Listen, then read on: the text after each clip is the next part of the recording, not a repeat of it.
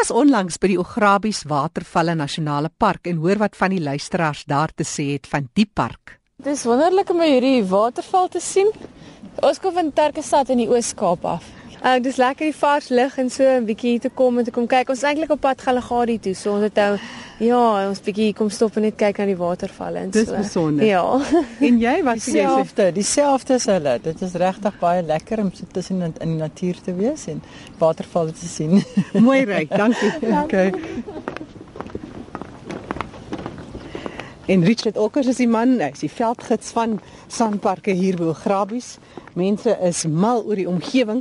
Richard, as jy ons praat oor die boksoorte, dan is daar 'n ou klein bokkie, die klipspringertjie wat eintlik 'n baie besondere rol speel. Wil jy optel? Wil jy gou daai papier optel? Richard van die pad af want daar iemand 'n papier sommer net daar gegooi mos byna langs die vullisdrom Richard jy is baie bewus daarvan van herwinning en om mooi te kyk na die omgewing hierso. Ja, die recycling en herwinning is eintlik iets van die, iets besonders om te kyk of ons kan ons landskappe 'n bietjie beter bestuur veral oor die oor die jare as gevolg van hierdie global warming wat kom om te probeer om nie te veel van ons land se se bates uit te tap nie, maar om liewerste van die goed weer te herwin. En Maar vind jy dat die besoeker wat byvoorbeeld na jou nasionale parke toe kom, dis my gevoel dat dit tog iemand is wat 'n bietjie meer bewus is en ook wil bewaar. Ja, dit is nogal so van. Dit is mense wat baie lief is vir die natuur wat na die nasionale park toe kom.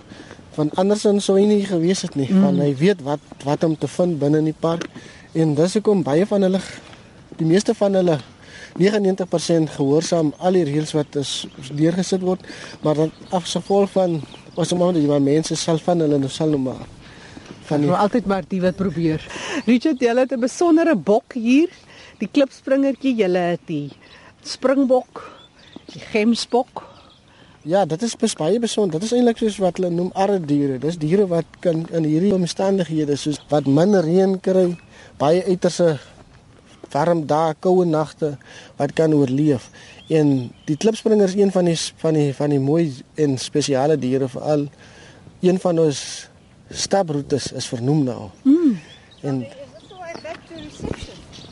En wat hom so spesiaal maak is hy is hy is baie territoriaal. So wat beteken hy baken sy sy habitat af waar hy bly.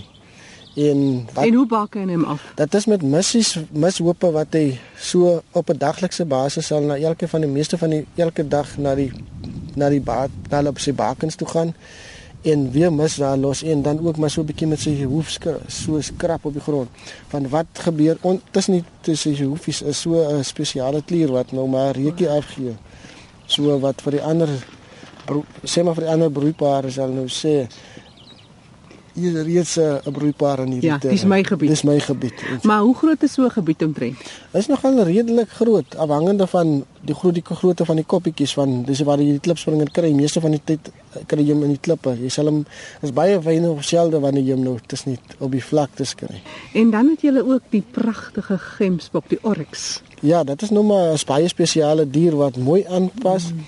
van omrede hy het nie baie water nodig om te oorleef nie en Hoe oorleef hy dan as hy baie water het? hy dit is nou maar hy sal was water as hy water afkom sal hy drink van die water, maar meestal sal hy nou van sy die die, die plante wat hy in vreet sal hy nou so selekteer dat hy alles soos die vetplantjies wat baie water in sy blare het sal hy gebruik om water in te kry. En daai horings, die die die ram en die ooi, hulle het altyd horings. Ja, beide die bulle en die koeie die horings, maar die horings van die bulle is 'n bietjie korter as en dikker as die van die koeie. Die koeie het 'n bietjie langer horings as die koeie, as die bulle. Ah, nee. Maar die bulle sin is jy so aangepas vir hulle uh, hulle gevegte vir die oeye. Ja, dit is maar so. Hulle kompeteer baie om te sien wie die dominante bul wat nou kan met die koeie paar mm. as dit teeltyd is.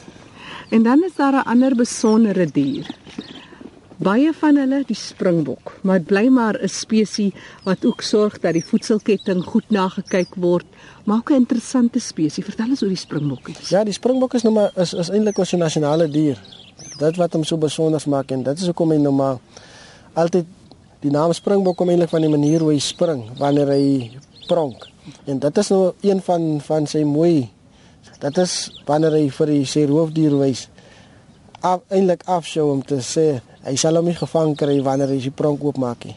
En dit is vir my 'n baie besondere mooi dier. Dis hoekom hy verskillende kleure het. Hy in die somertyd sê die sal die wit veronderstel al die hitte reflek en in die wintertyd sal die donker kleure aan die kant sal nou weer die son son aantrek sodat die sy liggaam kan 'n bietjie meer hitte kry. Die roofsoogdiere word ook geflous met die strepe op sy gesig. Vertel ons meer. Ja, dit is nou maar net om om sy horings 'n bietjie langer te maak. Dit is hoekom die, die roofdiere baie selde van vooraf sal probeer om hom te vang, maar eerder van agteraf want dit lyk of die horings 'n bietjie langer is met die streep wat in die kop is. En dan het hulle ook mos 'n besondere uh, die maanhare. Ja, dit is nou wat die die, die pronk agter wat oopmaak. Daai pronk is nogal nou maar so amper soos 'n tipe stof wat die roofdier confuse as sy reuk sintuig wanneer hy hom oopmaak. Dit is hoekom hy altyd sal spring en veral soos hy is so mooi om te kyk as die jong lammers daar is wat so 'n paar maande oud is. As hulle so opshow en hulle spring. Dit is maar net om hulle self voor te berei vir as as hulle eendag moet voor 'n groot roofdier soos 'n jagluiperd of 'n luiperd of voor 'n jakkals moet uithardloop. Ons was op 'n nagrit en ons het gesien daar was 3 van hierdie springbokke en elkeen kyk in 'n ander rigting let laat jou stoene oplet. Ja, dit is nou maar net soos hulle in Afrikaanse voortrekkers was nog als eerste met die ding hulle te laar gemaak. En so die bokke maak ook maar laar. Hulle lê die al die groot veronderstel al die al die al die ouer die volwasse bokke sal buite hom lê en elkeen sal nou maar in sy eie rigting in kyk en in die geval as daar nou jong bokke is, sal hulle in die middel van die van die laar lê. En dit is om te sien dat die as daar gevaar uit enige rigting kom dat een uit die res sal dan ja, alarm waarsku. kan maak. Ja. Dit ja. is nou maar wat hulle doen. Richard kom 'n stap so 'n bietjie verder aan. Ek wil nog gehad het jy moet bietjie vertel van julle het een of twee van die mooiste mooiste katte hier. En ons praat nou van die grootes, maar hier's ook klein katjies. Ja, ons het ook van die kleiner soos die Vaalboskat. Dit is ook 'n besonderse mooi katjie wat ons hier het en hy is nogal 'n baie mooi kat, die Vaalboskat en vir hom sal kry jy kry jy gereeld op die op die veral in die ander. Mm. Hy sal ek nou maar so sy sy prooi vang soos van hierdie klein klein diertjies en van die voëls ook self. En dit is wat hom so spesiaal ook maak en hy hierdie voël sal hy ook maar probeer vang in die aande. Dit is so een vir al die klippe wat ons kry. Hy hy pas, hy blend so mooi in met die klippe mm. wat hom kamoufleer so om om sy prooi baie makliker te te vang. En dan die ander enetjie wat ons ook kry is die muskiatkat, die small spotted genet. Dit is 'n so 'n klein katjie met 'n lang ster met strepe op. En hy is eintlik maar baie baie skie as jy hom sien.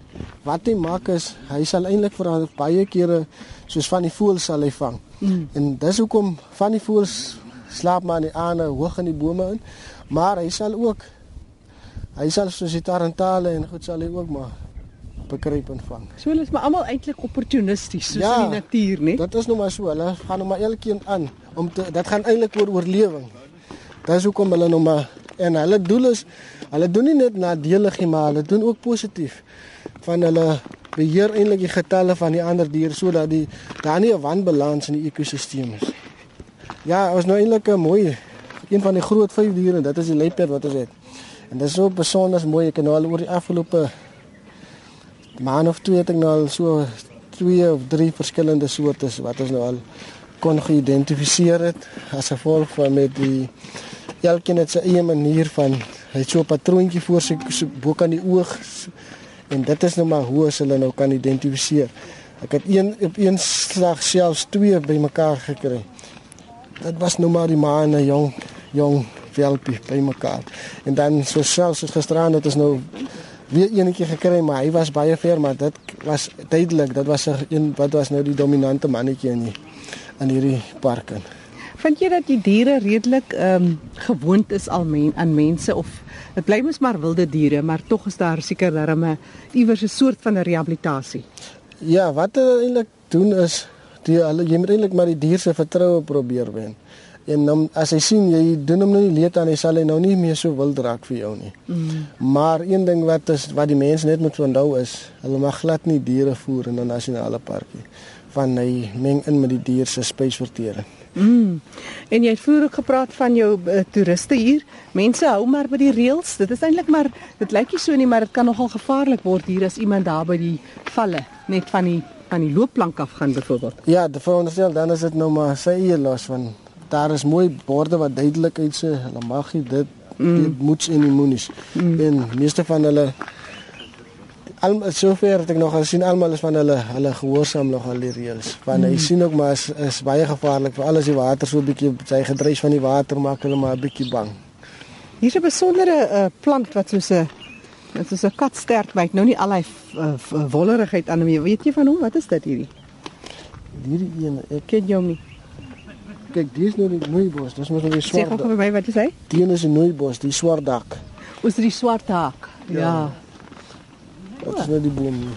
Hy is nog Kyk, baie van die bome het nou maar elkeen kyk is kameeldoring. En hier is die peel van die hoor as. Dit is die geklank van die peel van die kam, kameeldoring wat uh, as 'n uh, amper soos 'n hangertjie maak. Ja, skat hom nog so bietjie.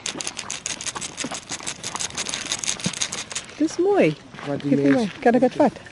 Mag ek mos nou nie uitvat nie. Nee, mag nie uitvat. Die stem daarvan Richard Okkers. Hy is een van die veldgidse by die Ograbies Watervalle Nasionale Park, een van die ariede parke, 'n besondere plek. Ograbies, die Khoi woord wat beteken plek van groot geraas.